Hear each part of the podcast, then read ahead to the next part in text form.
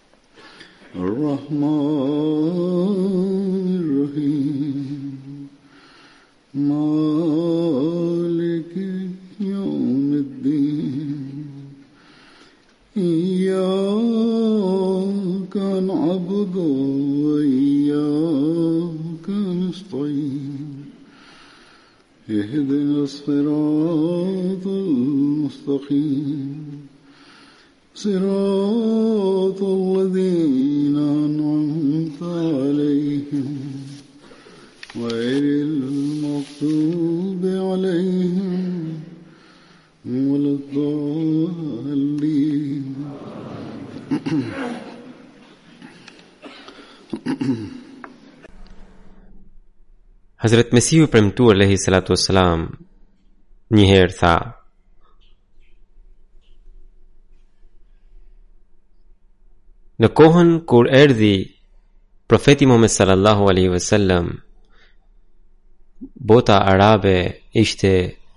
e zhytur kaq thellë në krim saqë në përgjithësi në çdo shtëpi kishte luftë, alkool, kurvëri dhe çdo ligësi tjetër. Ata nuk kishin asnjë lidhje me Zotin e Madhërishëm, me virtytet e larta. Çdokush hiqej sikur të ishte faraon, por me ardhjen e të dërguarit të Allahut sallallahu alaihi wasallam kur ata e pranuan Islamin,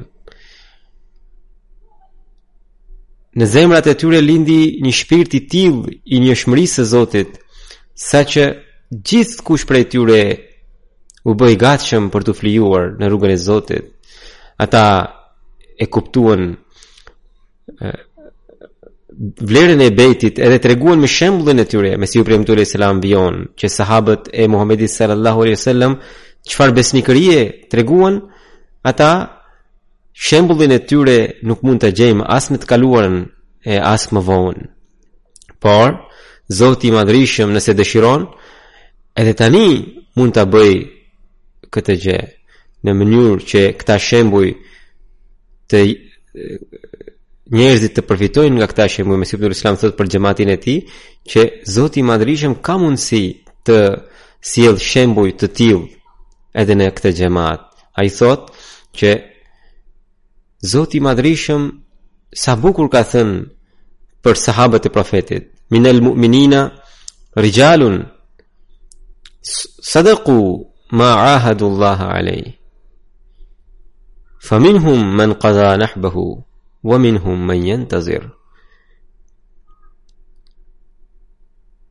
pra Zoti thotë tek besimtarët ka burra të cilët e provuan betimin që ata e bënë me Allahun andaj disa prej tyre kanë dhënë jetën e tyre dhe disa të tjerë janë në pritje për të dhënë jetën Mesihu i Premtuar alejhi selam thotë që në Kuran përmenden shumë ajete që tregojnë vlerën e sahabëve dhe nëse i grumbullojmë të gjitha ato ajete nuk mund të gjejmë ajetin më të lartë sesa ky që flet për vlerën e sahabëve të profetit sallallahu alaihi wasallam Kështu që këta shembuj të sahabëve të profetit sallallahu alaihi wasallam për ne janë shembuj edhe unë nga disa javë të kaluara ju kam sjellë pjesë të shkëputura nga jeta e sahabëve të profetit sallallahu alaihi wasallam, ndër të cilët ishin edhe sahabët e betejës së Bedrit edhe të tjerët, por më vonë mendova që më së pari Të përmend vetëm sahabët që morën pjesë në betejën e Bedrit sepse ata kanë një pozitë të veçantë. Janë njerëz për të cilët Allahu thotë se Allahu ka mbetur i kënaqur me ta. Dhe ata e kanë gjetur ahiretin. Sot do të përmend rreth Hazrat Hamza ibn Abdul Muttalibit Në historinë e Islamit, në hadithet përmendet në detaje se si ai e pranoi Islamin dhe se si ai më pas u martirizua. Ai njihet edhe me tituj sejedu shuhada pra kryedëshmori ose edhe titulli luani i Allahut, luani i profetit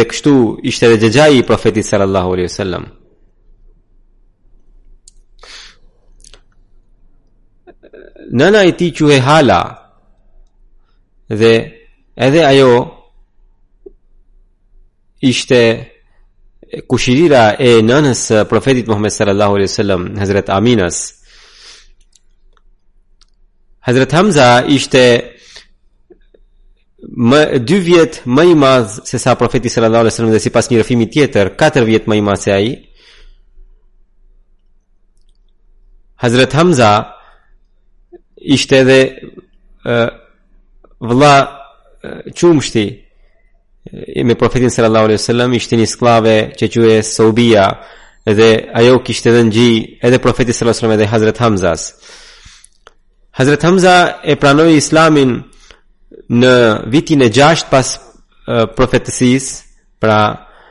pas ardhjes të islamit, në kohën e Darul Erkemit, ngjarja e pranimit të tij të islamit, përmendet, siç u thashë në histori, edhe Hazret Kalifi i dytë, radhiallahu anhu, e përshkruan në bazë të të dhënave historike, në mënyrën e vet, edhe sot këtu do t'ju tregoj se si e ka përshkruar Hazret Kalifi i dytë ngjarjen e pranimit të Islamit nga Hazret Hamza. Cila ka qenë arsyeja që ai e pranoi Islamin? Si ai pati sedër ndaj profetit sallallahu alaihi wasallam kur Ebu Xhehli e persekutoi profetin sallallahu alaihi wasallam. Kështu që në histori përmendet që një ditë i dërguari i Allahut sallallahu alaihi wasallam ishte ulur në një shkëmb midis kodrave Safa dhe Merva dhe po mendonte se si të vendoste njëshmërinë e Zotit, ndërkohë erdhi Ebu Xhehli dhe menjëherë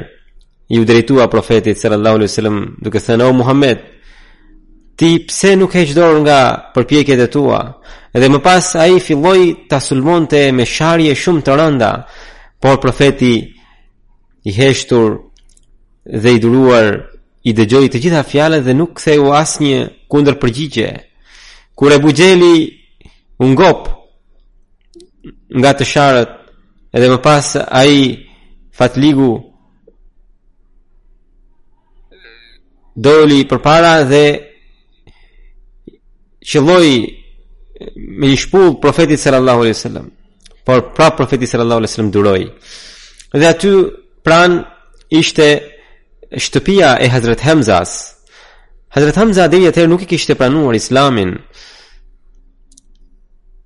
Përditshmëria e tij ishte që ai merrte harkun dhe shigjetën në mëngjes, dilte nga shtëpia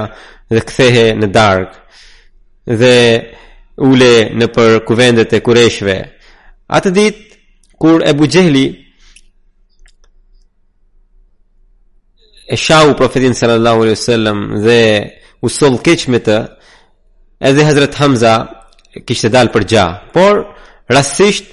kur Ebu Xhehli po bënte gjithë këtë,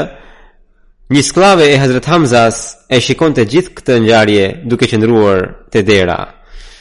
Kur Ebu Xhehli vazhdimisht e sulmonte dhe vazhdimisht e shante, dhe profeti sallallahu alaihi wasallam i heshtur dhe i duruar përballonte të gjitha ato gjërat. Kjo skllavja e shikonte e habitur gjithë këtë ngjarje. Hazrat Kalifi i dytë thotë se pavarësisht se ajo ishte një grua dhe nuk ishte muslimane, ishte mohuese. Por në kohën e kaluar kur mekasit dhunonin njerëzit e tjerë, atëherë ndodhte që disave nga krerët u ngjallej mirësia në zemrën e tyre dhe ata bënin edhe mirësi. Dhe kjo konsiderohej një mirësi. E njëjta gjë ndodhi edhe me skllaven e Hazrat Hamzas. Ajo e pa me sy i dëgjoi me, me, me veshët e saj dhe u ndikua shumë dhe mirëpo nuk mund të bënte dot asnjë gjë dhe nga brenda po digjej për, për shkak të kësaj padrejtësie kur i dërguari i Allahut sallallahu alaihi wasallam u çua dhe u largua nga atje edhe ajo ë filloi të merrej me punët e veta në darkë si zakonisht kur Hazrat Hamza u kthye nga gjahu zbriti nga kafsha dhe e kishte akoma harkun dhe shigjetën në dorë edhe si një trim i dilte ai më falni hynte në shtëpi atëherë skllavja u çua dhe iu drejtua padronit të vet duke thënë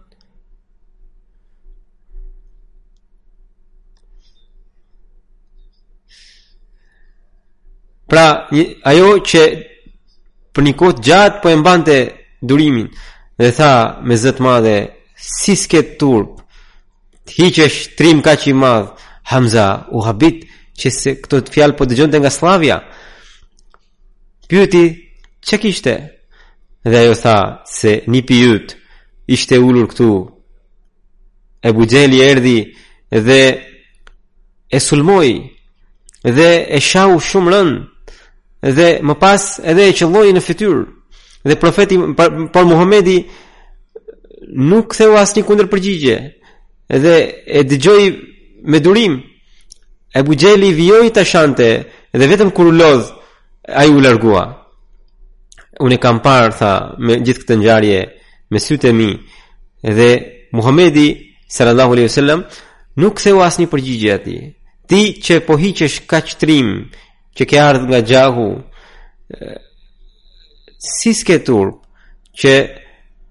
akoma je i gjallë edhe nipi yt po sillet me, me nipin tënd po sillen njerëzit në këtë mënyrë? Hazrat Hamza deri atëherë nuk ishte bërë musliman dhe edhe për arsye sepse ai numërohej në krerët e Mekës dhe nuk ishte i gatshëm akoma për ta pranuar Islamin, edhe pse besonte se profeti Muhammed sallallahu alaihi wasallam ishte i vërtetë, por ndoshta e pengonte krenaria Dhe kjo nuk e bënte që ai ta sakrifikonte krenarinë e tij për hir të Islamit. Por kur dëgjoi sklla, skllavën e vet, ai u skuq dhe i i u ngjall sedra fisnore dhe në në të njëjtën gjendje ai shkoi në Qabe së pari bëri tavaf Qabes, dhe më pas shkoi tek ai kuvendi ku Abu Xheli me bashkë me krerët e tjerë po tregonte trimërinë e vet. Edhe pikërisht këtë ngjarje e rrëfente me shumë kënaqësi, me shumë krenari, duke thënë se sot e kam sharë Muhamedin dhe kështu jam sjellë me të. Dhe kështu e kam poshtruar atë kur Hazrat Hamza mbërriti në këtë takim. Së pari, më së pari pra i ra në kokë Ebu Xhelit me harkun dhe më pas tha që ti po thua gjithë këtë ngjarje krenarisht dhe Muhamedi nuk të tha asnjë fjalë si kundërpërgjigje, tani unë të kam poshtruar mes përpara krerëve, nëse ti ke guxim, atëherë fol përpara meje. Ebu Xheli në atë ko kishte pozitën e mbretit në Mekë ai ishte sikur faraoni kur, kre, kur uh, shokët e tij e panë këtë gjë dhe ata u ngritën nga zemrimi dhe donin ta sulmonin Hamzan por Ebu Xhehli ngaqë ishte i vetëdijshëm që ai e kishte fajin edhe profeti Muhammed sallallahu alaihi wasallam gjithë ngjarjen e dëgjoi dhe e duroi dhe pastaj ishte ndikuar edhe nga sulmi i menjëhershëm i Hamzas iu drejtua krerëve dhe tha se lëreni Hamza ka të drejtë unë e kam pasur fajin Hazret Muslih Maudi, pra Hazret Kalifi i dytë i Mesihut të Premtuar alejhi salatu vesselam, shkruan që profeti Muhammed sallallahu alaihi sallam, kur po kthehej nga kodrat Safa dhe Merva, në zemrën e, e vet, i thoshte që puna ime nuk është që të luftoj, por të duroj, por Me siguri Zoti i Madhërishëm në arshin e tij thoshte Alejsa Allahu bi kafin abduhu që Allahu a nuk i mjafton robit të vet? Domethënë o Muhammed, ti që nuk je i gatshëm të luftosh, po po unë a nuk jam këtu që unë të luftoj në vendin tënd me armikun tënd? Andaj Në të njëjtën kohë, Allahu i Madhërishëm, profetit sallallahu alaihi wasallam i dha një luftëtar që do të luftonte Ebu Xhehlin. Dhe ai të njëjtën ditë erdhi dhe e, e sulmoi Ebu Xhehlin edhe në atë kuvend deklaroi që unë po bëhem musliman. Edhe tha që o Ebu Xhehl ti që e, e shan profetin vetëm sepse ai thotë se Mua më flet Zoti dhe më zbresin engjëjt, dëgjo me vëmendje, edhe unë sot jam nga fe i përkas fesë së profetit Muhammed sallallahu alaihi wasallam. Edhe unë them të njëjtën gjë që thotë profeti Muhammed sallallahu alaihi wasallam. Nëse ti ke guxim, atëherë hajde dhe përballu me mua. Duke i thënë këto këto fjalë, Hazret Hamza e pranoi Islamin. Në rrëfime përmendet që Pas pranimit të Hazret Hamzas të Islamit, muslimanët e Mekës u shtuan në besim, madje Sir William është një uh, historian anglez thotë që uh, dy njerëz i dhanë fuqi kauzës së uh, Muhamedit sallallahu alaihi wasallam, pranimi i Islamit nga Hamza dhe pranimi i Islamit nga uh, Omeri. Hazret Hamza mërgoi bashkë me muslimanët drejt Medinës. Atëherë ai qëndroi në shtëpinë e Hazret Kulsum bin Al-Hadamit dhe sipas një rrëfimi tjetër në shtëpinë e Hazret Saad bin Hathimas. Sido që të jetë,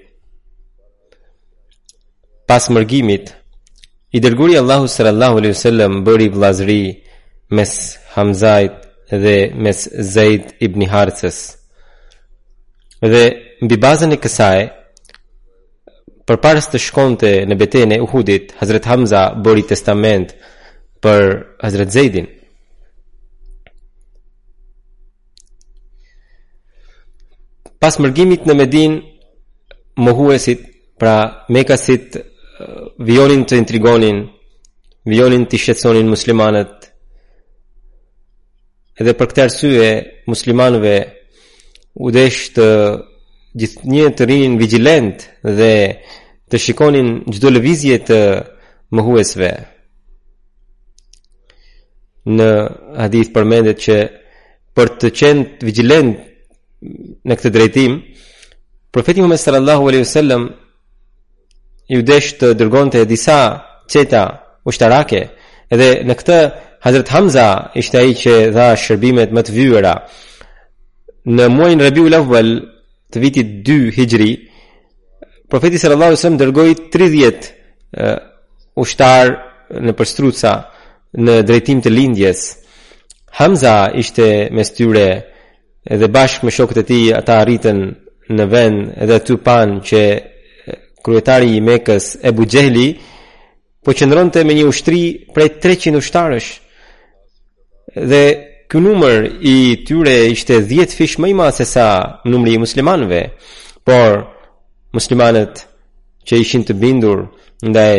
që ish, që bindeshin ndaj porosisë së Allahut dhe të dërguarit të tij nuk kishin asnjë frikë nga vdekja ata u rreshtuan për të përballuar gjithë atë ushtrinë dhe ishte gati të shpërthente lufta ndërkohë që kreu i asaj zone Majdi bin Amr al-Juhni që kishte lidhje me të dyja palët ndërhyri dhe e ndaloi betejën Në rrëfime përmendet gjithashtu që ishte pikërisht Hazret Hamza radiallahu anhu të cilit i dërguari i Allahut sallallahu alaihi wasallam dha flamurin e parë po disa sipas disa rrëfimeve thuhet që Hazret Abu Ubaida dhe Hazret Hamza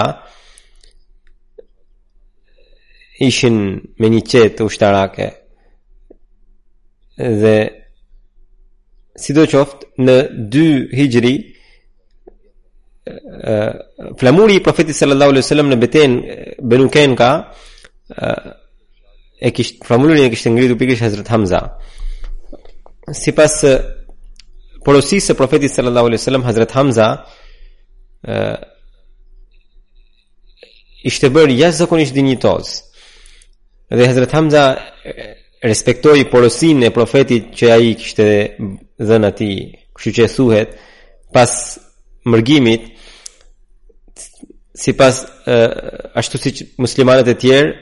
të Mek Mekës edhe Hazret Hamza pati probleme financiare. Ai vetë thotë që gjatë këtyre ditve,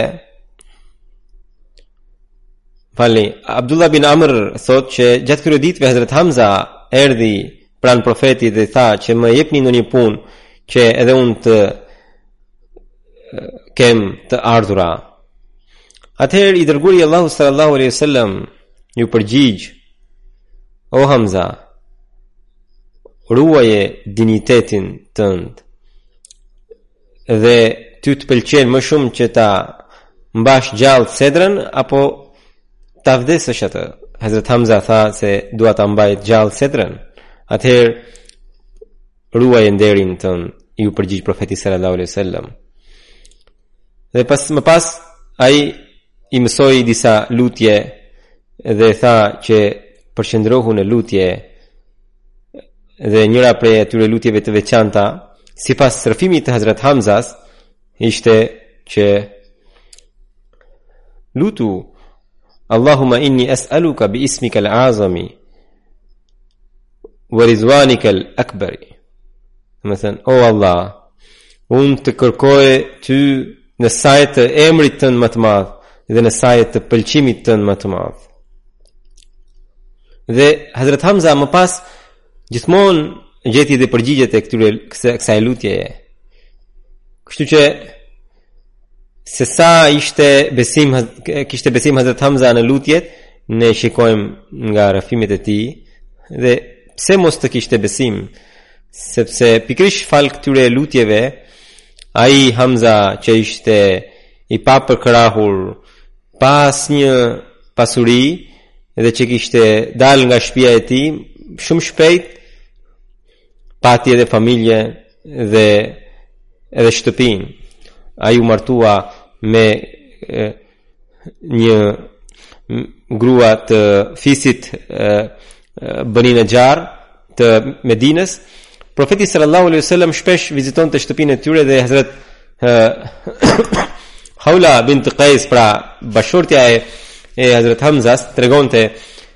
se sa i bindur ishte Hazret Hamza dhe një ditë ajo tha o i dërguari i Allahut ne kemi dëgjuar që ju do ta gjeni uh, hauze Keuther në ditën e gjykimit dhe që ka shumë vlerë profeti sallallahu alaihi wasallam tha po është e vërtetë por dëgjoje edhe këtë që mua më shumë ti pëlqen që populli juaj, pra ensarët të jenë afër Kauserit sesa ndonjë popull tjetër. Sa shumë profeti sallallahu alajhi wasallam e don i donte ensarët, sepse ata ishin që e strehuan i strehuan muslimanët kur ata u dëbuan nga vatrat e tyre. Duke iu referuar betejës së Bedrit, vjen një rrëfim që në 2 Hijri u zhvillua beteja e famshme e Bedrit dhe gjatë asaj kohe Aswad bin Abdul Asad Makhzumi ishte një sherrxhi prej Mekasve dhe ai u, u betua që unë do të hyj në grupin e profetit Muhammed sallallahu alaihi wasallam dhe aty pra kishte një një pus, do ta përdhos pusin, do të vdes pranë pusit ose do ta do ta njolloj njollos pusin me gjakun tim. Dhe ai me të vërtetë e bëri këtë gjë, pra erdhi dhe ishte pikërisht Hazrat Hamza që i doli ball, ball, ballë për ballë dhe me një sulm ia preu gjysmën e pulpës së këmbës së tij. Por ai u turr drejt pusit që ta plotësonte betimin e tij, por Hazrat Hamza me një sulm tjetër fatal domethënë i dha i shkaktoi vdekje dhe ai nuk arriti ta përmbushte betimin e tij të lig. Hazrat Ali radhiyallahu anhu tregon rreth betejës së Bedrit që në këtë betejë mohuesit kishin një numër shumë të madh Në krahasim me numrin e muslimanëve, gjatë gjithë natës profeti sallallahu alaihi wasallam ishte i zënë në lutje përgjëruese. Thotë kur ushtria mekase të nesërmën erdhi edhe ne ishim përballë tyre, atëherë papritmas pamë një njeri që ishte me një deve të kuqe. Profeti sallallahu alaihi wasallam tha mua o Ali, Thirre Hamzan që është afër mohuesve se kush është ky që është në deven e kuqe dhe çfarë thotë. Dhe më pas i dërguari i Allahut sallallahu alaihi wasallam tha që nëse ndër ta ka ndonjë njeri që kërkon mirësi është pikërisht ky. Ndërkohë edhe Hazrat Hamza u kthye dhe i tha profetit sallallahu alaihi wasallam që ai ishte Utba bin Rabia që i ndalonte mohuesit nga lufta dhe Ebu Xhehli po i përgjigjej që ti je burracak edhe fr ke frikë nga e, e, beteja atëherë Utba gjithashtu e, u pasionua dhe tha që mirë sot do të shikojmë se kush është burracak. Hazrat Ali thotë që Utba më pas doli dhe tha se kush do të na dalë për të luftuar me ne. Atëherë dolën disa ensar, Utba pyeti kush jeni ju? Ata thanë se jemi ensar, jemi medinas. Utba tha se nuk kemi punë me ju. Ne Kemi ardhur për të luftuar me djemtë e xhaxhait tonë. Atëherë i dërguari i Allahut sallallahu alaihi wasallam tha: "O Hamza, çohu, o Ali çohu, o Ubeda ibn Harith, çohu dhe dilni përpara." Hamza doli përballë Utbas. Hazrat Ali thotë se unë dola përballë Shejbës, ndërsa Ubeda përballë Velidit. Dhe këta të dy, pra Ubeda dhe Velidi, e plagosën njëri-tjetrin shumë rëndë. Dhe më pas ne iu drejtuam Velidit edhe e vramë, ndërsa Ubedën e morëm dhe e sollëm në grupin tonë. Pra në zonën tonë. Hazrat Ali dhe Hamza e, kishin mundur, kishin vrarë kundërshtarin e tyre menjëherë. Kur i dërguari i Allahut sallallahu alaihi wasallam tha o Hamza çohu, O Ali çohu dhe o Ubeda bin Haris çohu atëherë kur të tre u çuan dhe Utba tha që më thuaj diçka që t'ju njohim sepse ata ishin mbuluar me parzmore e tjera atëherë Hazret Hamza tha unë jam Hamza që, që jam luani i Allahut dhe të dërguarit atëherë Utba tha mirë e kam kundërshtarin të fortë kaq trim ishte Hazret Hamza saqë në betejen e Bedrit për thjesht për të kallur frikë tek mohuesit ai kishte vënë në kokë puplën e strucit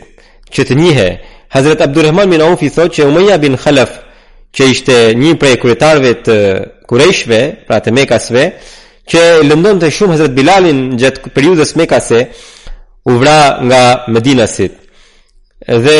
ai pyeste që kush është ky që ka e, puplën e strucit dhe unë i thashë që ky është pikërisht Hamza ibn Abdul Mutalib dhe ai më tha pikërisht Hamza është ai që na e, shkaktoi më së shumti humbje. Historiani angre, anglez Sir William Muir thotë që për betejën e Bedrit që Hamza e, me puplën e strucit gjithmo gjithnjë dukej i dalluar dhe rrëfeu një trimëri të jashtëzakonshme shumë nga krerët e Mekës u vranë nga dora e tij edhe në betejën e Uhudit Hazrat Hamza rrëfeu një trimëri të jashtëzakonshme ishte pikërisht kjo trimëria e tij që i shqetësonte shumë Mekasit, në Buhari përmendet gjithë ngjarja. Hazrat Jafar bin Amr bin Umayya Zamri thotë që unë bashkë me Abdullah bin Adi bin Khayarin udhëtova në qytetin Homs, që ishte një qytet i famshëm. Dhe kur mbërritëm aty, Ubedullah bin Adi më tha mua që a dëshiron të takosh hapsh më fal, Vahshi bin Harb Hapshin, që ta pyesim se si e vrau Hazret Hamzan, atëherë ne kërkuam adresën e tij dhe na thanë se po qëndron pranë shtëpisë së tij. Ne shkuam dhe qëndruam pranë tij dhe i thamë selamu alejkum dhe ai na ktheu ve alejkum selam. Thotë që Ubedullah atëherë ishte kishte vënë një çallmë dhe me të kishte mbuluar edhe fytyrën e tij dhe Vahshiu mund të shikonte vetëm sytë dhe këmbët e tij. Ubedullah tha, "A më njeh mua?" Vahshiu tha, kur e pa me vëmendje, "Pasha Zotin, jo, përveç një detaje." Që Adi bin Khajar, pra babai i Ubejdullahut. Adi bin Khajar ishte martuar me një grua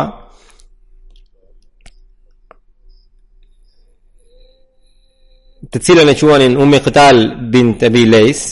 dhe ajo kishte lind një djalë për Adi bin Khajarin dhe unë e çoja tek mëndesha dhe e merrja djalin bashkë me nënën edhe pastaj ia ktheja përsërish për, përsëri nënës së tij edhe atëherë unë i kisha parë këmbët e asaj fëmije dhe kur shoh edhe këmbët e tua mendoj se ti je i njëjti djalë atëherë Hazret Ubedullah e zbuloi fytyrën dhe tha se po unë jam ai. Atë ata e pyetën se si e vrau Hazret Hamzan. Atëherë Vahshiu tha që Hazret Hamza kishte vrarë Tamim bin Adi bin Khayarin në betejën e Bedrit. Atëherë po, unë isha skllav tek Jabir bin Mutam, edhe ai më tha që nëse ti e vret Hamzan, do të lirohesh. Në betejën e Uhudit kur u mblodhëm në malin Uhud, edhe unë isha bashkë me, me luftëtarët, gjithë njerëzit kur u reshtuan kundër muslimanëve, atëherë Sabau doli dhe bërtiti a ka ndonjëri nga muslimanët që të na luftojë me ne. Atëherë Hazret Hamza doli dhe I tha o Seba, ti a do të luftosh me Allahun dhe të dërguarin e tij? Edhe më pas e sulmoi në një mënyrë që Sebau për një çast u bë sikur të ishte dje, pra u vra. Unë thotë u ula në një hije dhe kur Hamza m'u afrua mua atëherë unë e përdora pra shtizën time dhe e qëllova poshtë kërthizës së Hamzas me shtizën time me gjithë fuqinë që kisha saqë shtiza kaloi në anën tjetër të trupit të tij pasi mbaroi lufta edhe unë shkova në Mekë kur Islami erdhi në Mekë unë u largova nga Meka dhe shko shkova në Taif më thanë që Nga Taifi po shkojnë disa mesazherë, edhe profeti nuk vret, nuk trazon lajmtarët, edhe ti bashkohu, edhe unë u bashkova me grupin e lajmtarëve. Kur profeti më tha mua, "A ti je Vashi?" Ai tha, "Po." "Ti e vrave Hamzan?" "Po," thashë. Atëherë profeti më tha, "Nëse mundesh, mos më dil përpara." Atëherë unë u largova prej atje,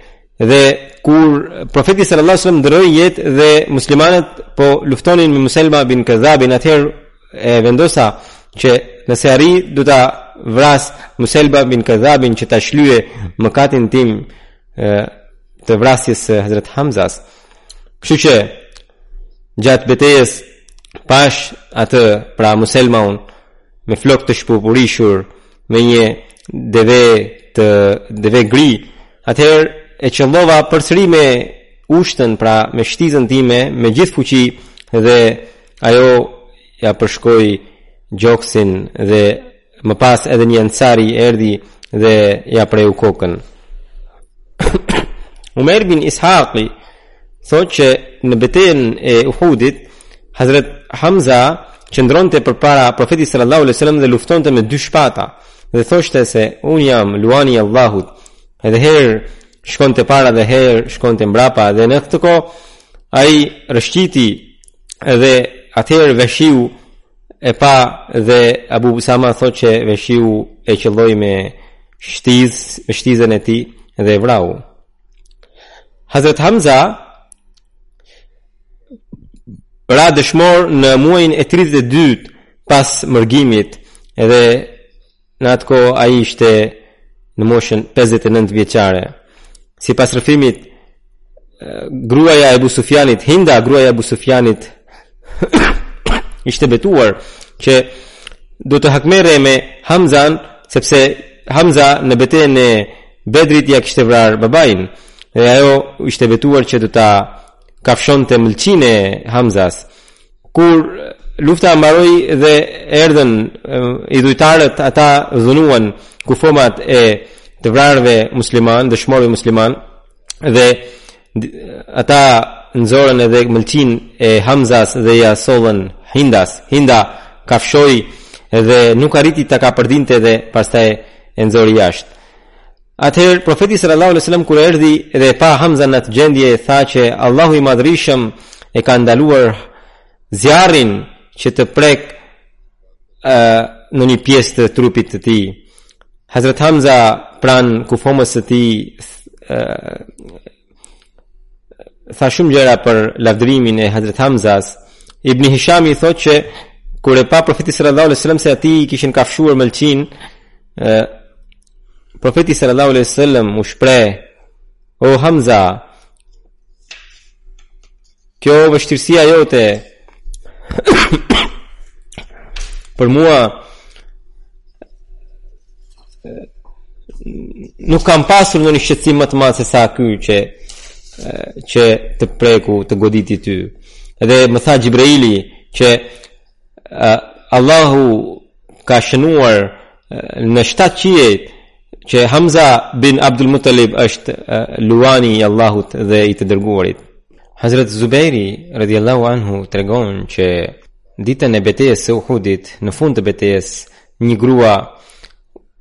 po vinte me vrap ishte afër që ajo t'i shikonte kufomat e dëshmorëve. I dërguari i Allahut sallallahu alaihi wasallam nuk e pëlqeu këtë gjë që një grua t'i shikonte në këtë gjendje dëshmorët. Prandaj tha, ndaloje atë grua. Hazrat Zubejri radhiyallahu anhu thotë që kur e pashë me vëmendje ishte pikërisht nëna ime Safia radhiyallahu anha. Atëherë shkova me vrap dhe e ndalova dhe Përpara se të mbrinte ajo te kufomat, te dëshmorët e ndalova, ajo ishte shumë e fuqishme dhe më largoi, më, më goditi në gjoks dhe më largoi dhe më tha, nuk do të dëgjoj ty. Atëherë i thashë, i dërguari i Allahut më ka thënë që të ndaloj ty, që ti të mos i shikosh kufomat. Atëherë ajo u ndalua, edhe më pas ajo kishte sjellë dy rroba dhe tha që këto dy rroba kam sjellë për Hamzan, sepse e di që ai ra dëshmor. Pra, këtu ish, mund ta shikojmë edhe bindja që ishte që, që sahabët kishin ndaj profetit sallallahu alaihi wasallam. Menjëherë kur dëgjoi që i dërguari i Allahut sallallahu alaihi wasallam ka thënë kështu, pavarësisht se ishte në një gjendje jashtëzakonisht të papërmbajtur, ajo e kontrolloi veten edhe e, u bind kjo është bindja e përsosur dhe më pas tha që këto dy rroba janë për vllajin tim sepse mora vesh që ai ra dëshmor edhe kështu që qefinosni gjenazën e tij në këto me këto dy rroba Sahabët thonë që kur ne po e mbulonim trupin e Hamzas me këto dy rroba, pamë që edhe pranë aty ishte një ensari dëshmor, me cilin ishte si ishte bërë një gjendje që ishte bërë me Hazrat Hamzan. Atëherë neve na erdhi turp që Hamzan t'i jepnim dy rroba ndërkohë ai nuk kishte asnjë rrobë për të mbuluar. Atëherë ramë dakord që me njërën do ta mbulonim Hamzan dhe me tjetrën Ensariun. Po më pas pamë që një rrobë ishte e gjatë, tjetra ishte e shkurtër. Dhe ne thotë bëmë short edhe e mbuluam sipas shortit të dyja kufomat. Kështu që edhe Hazret Hamzan kur e mbulonim kokën i zbuloheshin këmbët, kur i mbulonim këmbët i zbulohej koka. Atëherë i dërguari i Allahut sallallahu alaihi wasallam tha, që e mbulojni kokën dhe te këmbët vini barin hermel ose idhkhir.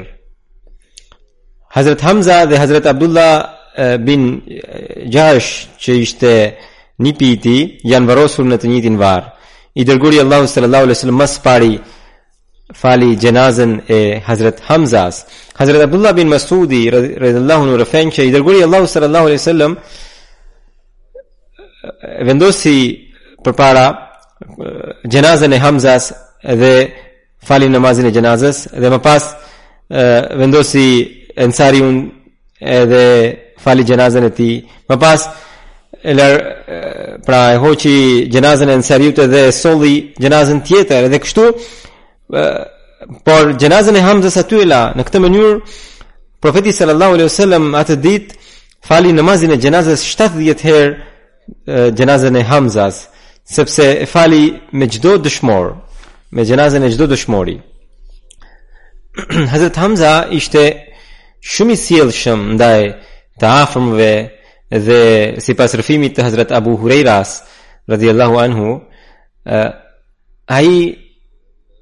shquhej për mirësjelljen dhe mirësinë e tij ndaj të afërmve dhe njerëzve të tjerë. Gjithnjë para përpiqej të parakalonte të tjerët në mirësi. Andaj i dërguari i Allahut sallallahu alaihi wasallam duke u drejtuar kufomës së Hazrat Hamzas, trupit të Hazrat Hamzas, tha që Zoti të mëshiroftë dhe nuk di nëse ka ndonjë tjetër që të që bën mirësi si ti. O Hamza, nga sot e tutje nuk do të kesh asnjë brengë.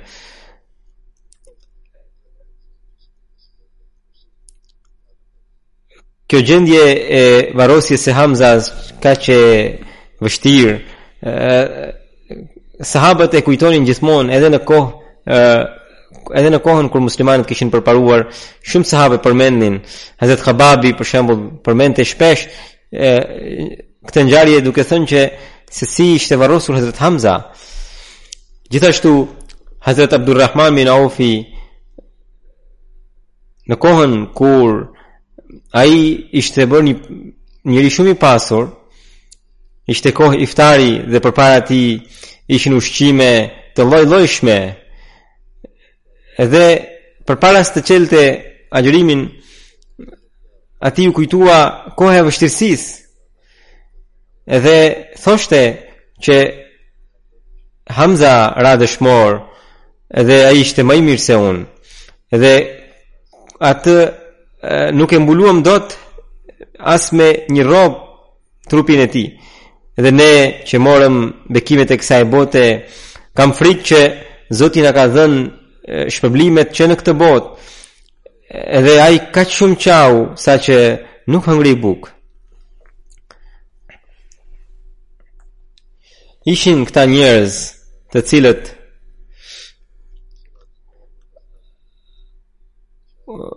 u kënaqën me Allahun dhe Allahu u kënaq me ta. Edhe të cilët i kujtonin vëllezërit e tyre që ranë dëshmorë në kohë vështirësie dhe gjithnjë i merrnin parasysh punët e tyre. Allahu i madhërishëm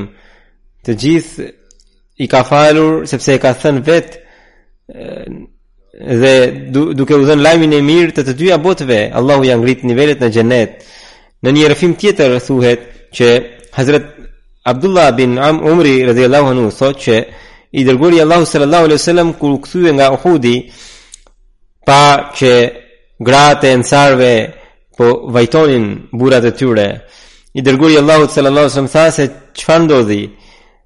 Nuk ka asnjë që do të vajtojë Hamzan, kur gratë e ansarëve e morën vesh, ato erdhën tek profeti dhe filluan ta vajtonin Hamzan. Profetin sallallahu alaihi wasallam e zuri gjumi, kur u zgjua gratë kështu po vajtonin. Atëherë i dërguari i Allahut sallallahu alaihi wasallam ende po vajtonin Hamzan, kthehuni nëpër shtëpitë tuaja. Edhe më pas tha që nga tani e tutje Asnjë i vdekur nuk do të vajtohet. E shikoni tani se me çfarë urtësie i dërguari i Allahut sallallahu alaihi wasallam ua mësoi muslimanëve që nuk duhet të vajtonin të vdekurit në këtë formë, në këtë mënyrë.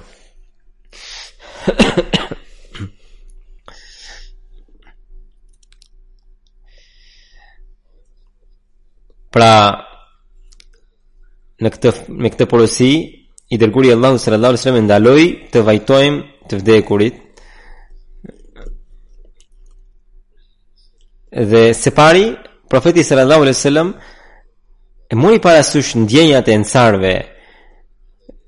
Sepse ata kishin shumë dhimbje për vdekjen e bashkëshortëve dhe vëllezërve. Dhe së pari ua tërhoqi vëmendjen tek Hazrat Hamza, sepse ishte një humbje e, për gjithë popullin dhe këtë brengë më së shumti e kishte vetë profeti Muhammed sallallahu alaihi wasallam. Dhe më pas i ndaloi të mos e vajtonin Hamzan duke treguar dhe shembullin e tij dhe bashkë me Hamzan i përfshiu gjithë muslimanët e tjerë. Për sa i përket profetit sallallahu alaihi wasallam, ai deri në fund të jetës së tij ka pasur dhimbjen e vdekjes së Hazrat Hamzas. Ka'b bin Maliku në elegjinë e tij tha që pra kur Hazret Hamza ra dëshmor ai shkroi një elegji dhe tha që sytë e mi lotojnë me të drejtë dhe mirëpo çfarë do të bëjnë duke duke lotuar për luanin e Allahut kur ai ra dëshmor mëngjesin kur ai ra dëshmor engjëjt thanë se ky është dëshmori Allahu ua ngrittë nivelet në xhenet sahabëve dhe shembujt që ata kanë dhënë shembujt e sakrificës muslimanët gjithnjë t'i kujtojnë dhe shembujt e mirësive që ata vendosën Zoti i bëftë muslimanët që t'i praktikojnë